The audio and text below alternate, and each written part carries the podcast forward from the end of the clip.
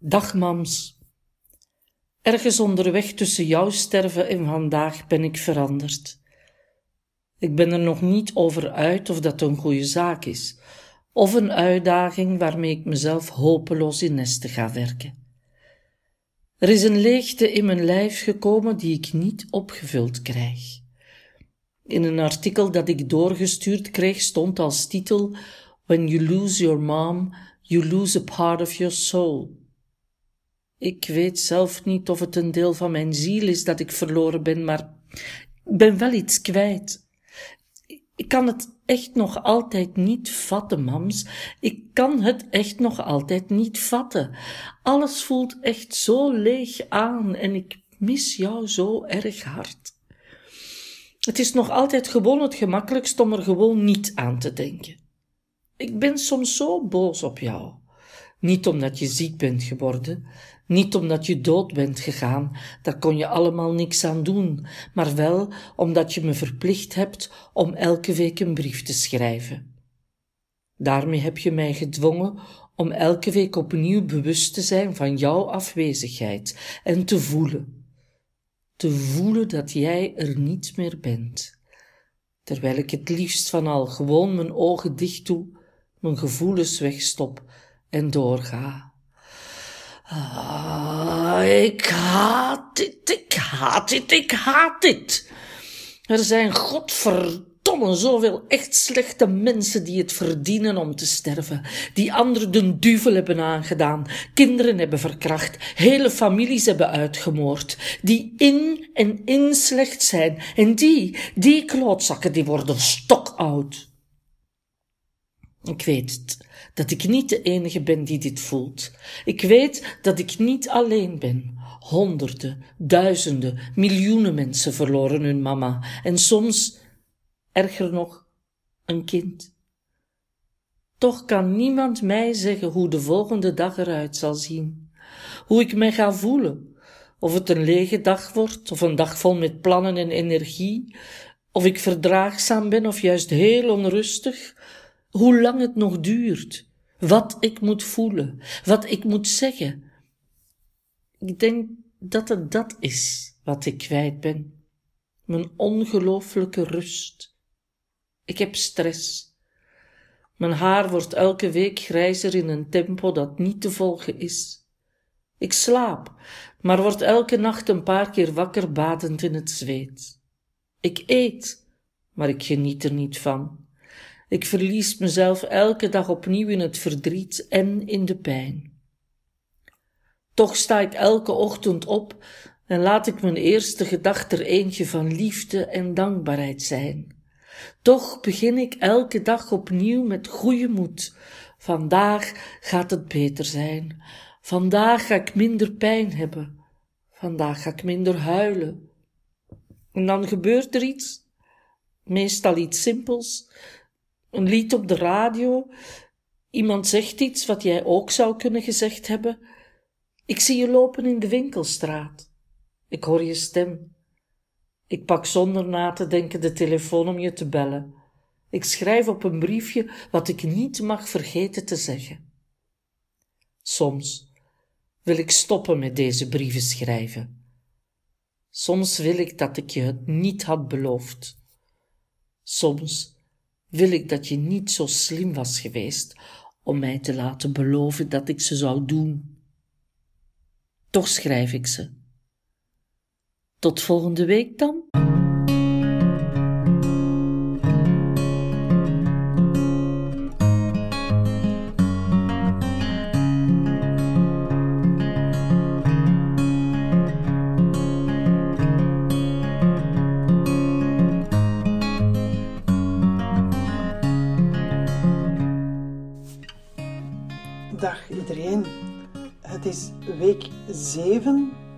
De brieven aan mijn mama. En ik vind het heel raar om dit te zeggen, maar ik voel mij vandaag, terwijl ik deze podcast maak, exact hetzelfde als in de brief, maar dan op een andere manier. Ik heb ook een leegte in mijn lijf die ik niet opgevuld krijg. En vandaag de dag heeft dat iets minder te maken met het uh, verlies van mijn mama, maar veel meer met um, hoe ik mij fysiek voel. Maar dat is voor later, want uh, de brieven aan mijn mama die gaan natuurlijk vooral over de periode na haar sterven. Ze zijn een terugblik naar drie jaar geleden. En ik herinner mij nog heel goed dat gevoel van absolute leegte. Uh, het is een gevoel, en ik heb dat al een paar keer gezegd, dat ik tot op de dag van vandaag nog altijd niet opgevuld heb gekregen. En ik, ik vind nog altijd dat ik mijn mama veel te vroeg ben verloren. Ik, maar ik denk dat iedereen dat vindt. um, maar ik was 44 en mijn zus was er 40. En zij zelf was er denk ik net 65 of 66. Ik zou het moeten gaan nakijken. Maar ze was echt zo vlak voor haar pensioen ziek geworden. En die twee jaar dat ze nog geleefd heeft, hoewel ze daar nog heel veel quality time heeft uitgehaald, ja, waren dat wel twee jaar waar we gewoon aan het wachten waren op de dood. En ik was nog niet klaar met haar te kennen. Ik merk dat vandaag heel hard dat ik, ik heb echt ontelbaar veel momenten dat ik aan haar denk. Dat ik ook denk van, wat zou ons moeder ervan gezegd hebben? Ik heb nog steeds tot op de dag van vandaag momenten dat ik het helemaal vergeten ben dat ze er niet meer is. En dat ik echt in een fractie van een seconde denk, ik ga even naar ons mams bellen. En ik heb dat ook heel lang gehad met mijn grootvader. Die is al een paar jaar dood, meer dan tien jaar. Maar toen hij overleed, woonde ik eigenlijk een straat verder. En ik ging heel regelmatig bij hem op de koffie, samen met Louis, die toen een kleine ukkepuk was. En ik heb echt tot een paar jaar terug nog momenten gehad dat ik terug in Deurne-Zuid was en dat ik terug de Sint-Roggestraat inreed of de waterbaan inreed en dat ik dacht, kan eens even zien hoe dat met ons fokken is. Om dan tegelijkertijd dat ik dat denk, er ineens bij te denken, ja, dat kan niet meer, die is er niet meer. En die leegte die op zo'n moment terug naar boven komt, die, dat is een leegte die mij overspoelt. En die voel ik dus nog altijd. En ik weet dat ik niet de enige ben die dat, dat voelt. Ik weet dat omdat ik nu opnieuw met de brieven aan mijn mama mails krijg en berichten krijg van mensen die mij zeggen van jij kunt exact verwoorden wat het is. Ik heb er geen woorden voor en jij hebt die wel. En ik, ik vind dat heel fijn om te lezen dat ik daar niet alleen in ben. Dus ik weet wat dat is. En toch, en toch, en toch heb ik vanaf dag één dat ze overleden was, heb ik, ben ik elke dag, hoe slecht ik mij ook voelde, ben ik elke dag opgestaan met de, met de gedachte, vandaag gaat een goede dag zijn. En heb ik mezelf in de ogen gekeken in de spiegel en heb ik tegen mezelf gezegd, vandaag gaat het beter zijn. Vandaag ga ik rustig zijn. Ehm, vandaag is een dag die vol met liefde en dankbaarheid en mooie momenten zit. Vandaag gaat het minder pijn doen en ga ik minder huilen. En ik heb dat niet gedaan om mijn verdriet te ontlopen, maar ik heb dat wel gedaan om mijn mindset elke dag opnieuw te veranderen. Want dat is iets dat ik zelf kon doen. Ik, ik kon in de mate van het mogelijke zelf beslissen dat ik mij beter zou voelen. Totdat, en dat schrijf ik ook in de brief, er natuurlijk iets gebeurde waardoor dat die hele positieve mindset in duizend stukken uit elkaar viel. Maar dat was niet erg. Want die periodes dat ik tegen mezelf zei: vandaag wordt een goede dag, die, die, die werden ook langer en langer naarmate dat het moment van overlijden verder en verder wegging.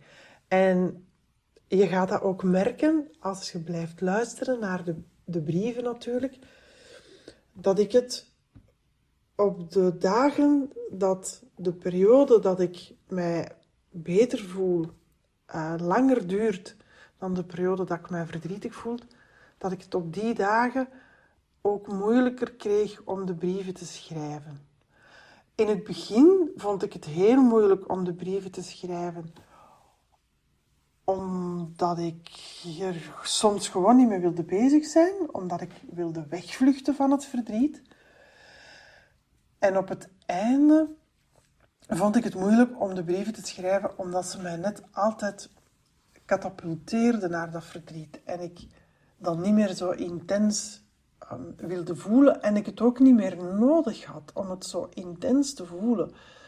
Waarmee ik niet wil zeggen dat de rouwperiode over was, maar wel dat ik voor mezelf voelde dat het, het rouwen draaglijker werd. Dat het verdriet, omdat zij er niet meer was, dat ik dat beter kon, kon vastpakken. Dat ik niet meer zo overspoeld werd door mijn emoties.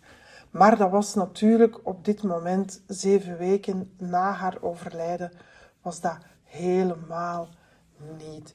Ik kon daar niet bij. Ik kon dat rationeel kon ik dan niet bevatten. De, de gedachte dat, dat iemand er nooit meer gaat zijn, dat ging niet. Dat ging in mijn hoofd niet in. En het besef dat dat wel zo was, dat was dus hetgeen dat die ongelooflijke leegte achterliet en tot op de dag van vandaag achterlaat, al is de leegte niet meer zo groot, of toch niet altijd, en zeker niet meer het grootste deel van de tijd. Maar af en toe is het er natuurlijk nog wel. En ik voel vandaag de dag dat dat opnieuw is. En ik vind dat heel gek. Ik weet niet of dat, dat um, ja, synchroniciteit is met de periode van drie jaar geleden. Maar ik ben eigenlijk een week voor ik ben begonnen met deze podcast, ben ik ziek geworden. Ik heb evenwichtstoornissen en ik heb die evenwichtstoornissen omdat ik een redelijk zware hoorproblematiek heb. Ik steek dan niet onder stoelen of banken dat ik um, slecht horen tot bijna doof ben. En dat ik mij echt moet behelpen met um, hoorapparaten en liplezen.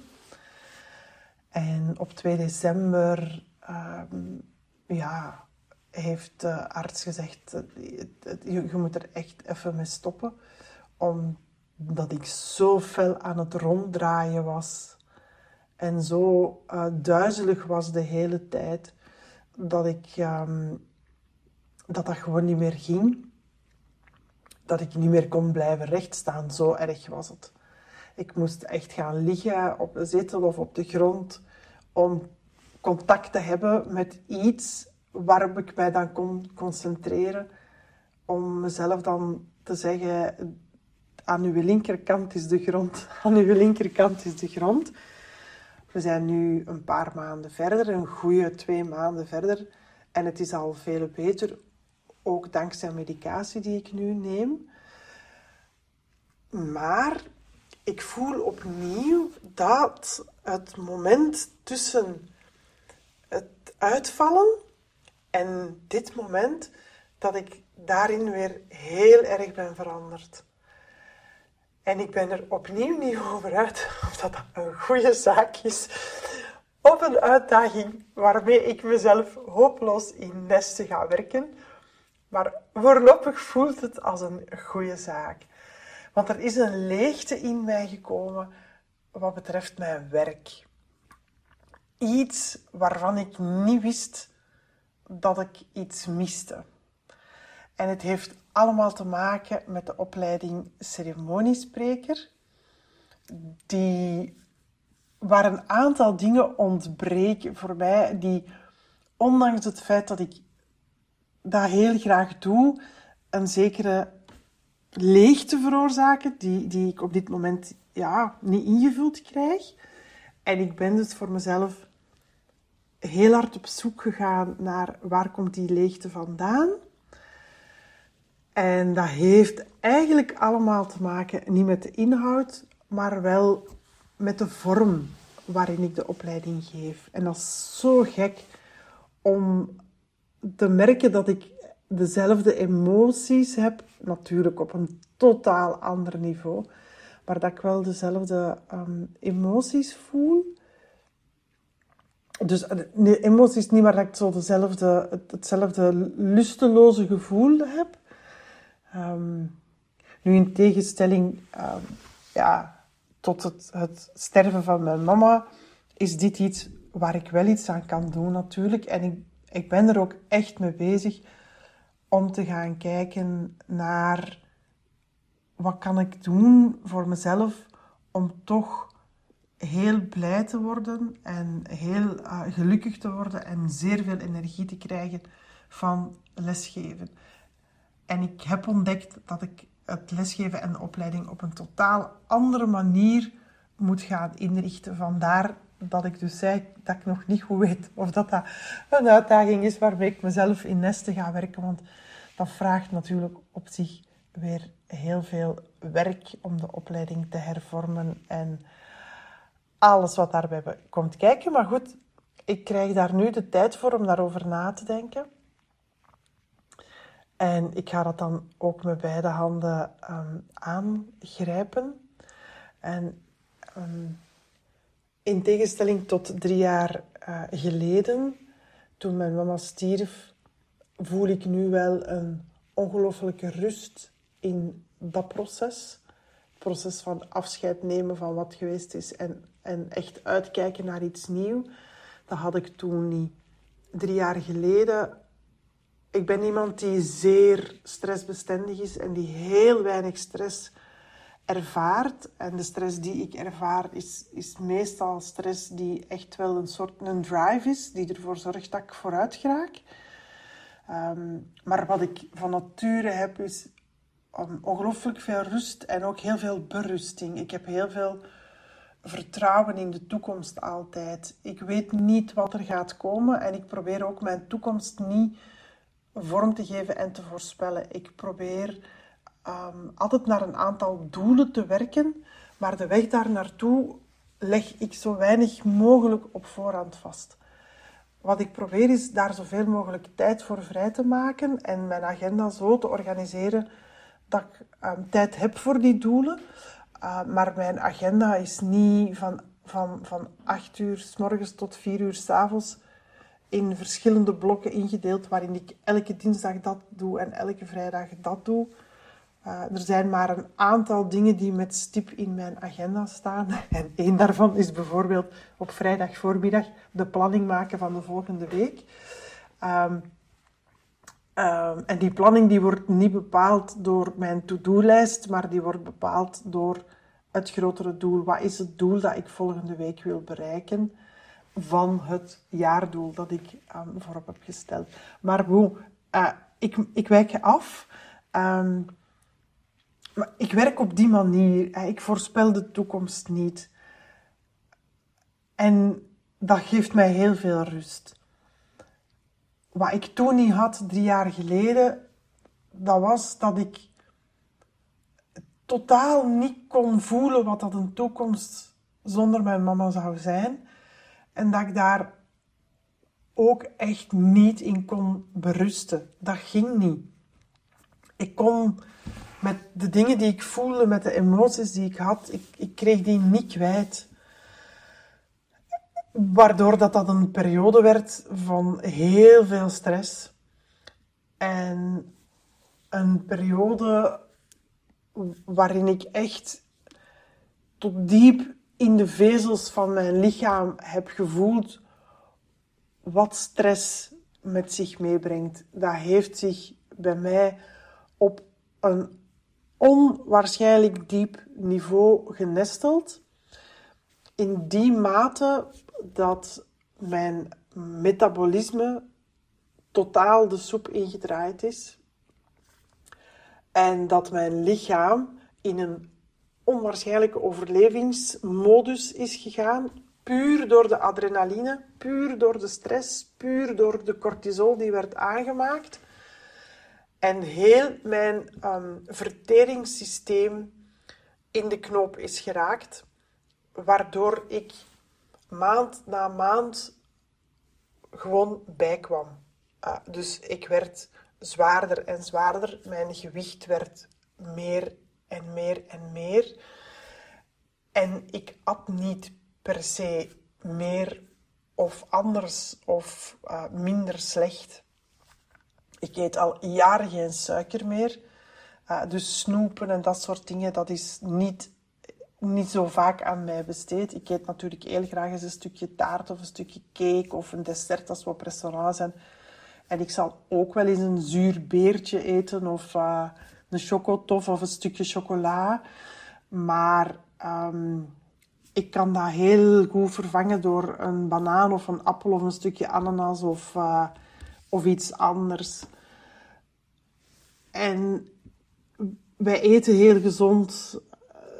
Ik ben in die periode naar heel veel diëtisten gegaan die mij echt zeiden van... Ja, wij kunnen eigenlijk zo weinig aan uw eetgewoonte veranderen, dat ik er echt zeer hopeloos van werd. Dat ik echt het gevoel had dat ik gewoon niks kon, kon doen om dat gewicht onder controle te houden. Wat natuurlijk ook zo was, omdat het op hormonaal vlak helemaal verkeerd liep. Ik denk dat um, in die zevende week na overlijden, dat ik, dat mijn, dat ik echt stress ben beginnen kennen en dat ik mij daar um, bewust van was. En dat gaf mij ook niet meer de moed om te schrijven. En de enige reden dat ik dat wel heb gedaan, dat ik ben blijven een brief schrijven, is omdat ik het had beloofd dat ik het gedurende een jaar zou doen. En ik weet waarom dat mijn mama dat heeft gedaan. En zoals ik uh, in mijn brief ook schreef, op dat moment wilde ik echt dat ze niet zo slim was geweest om het mij te laten beloven. Omdat ze wist dat ik die belofte niet zou verbreken.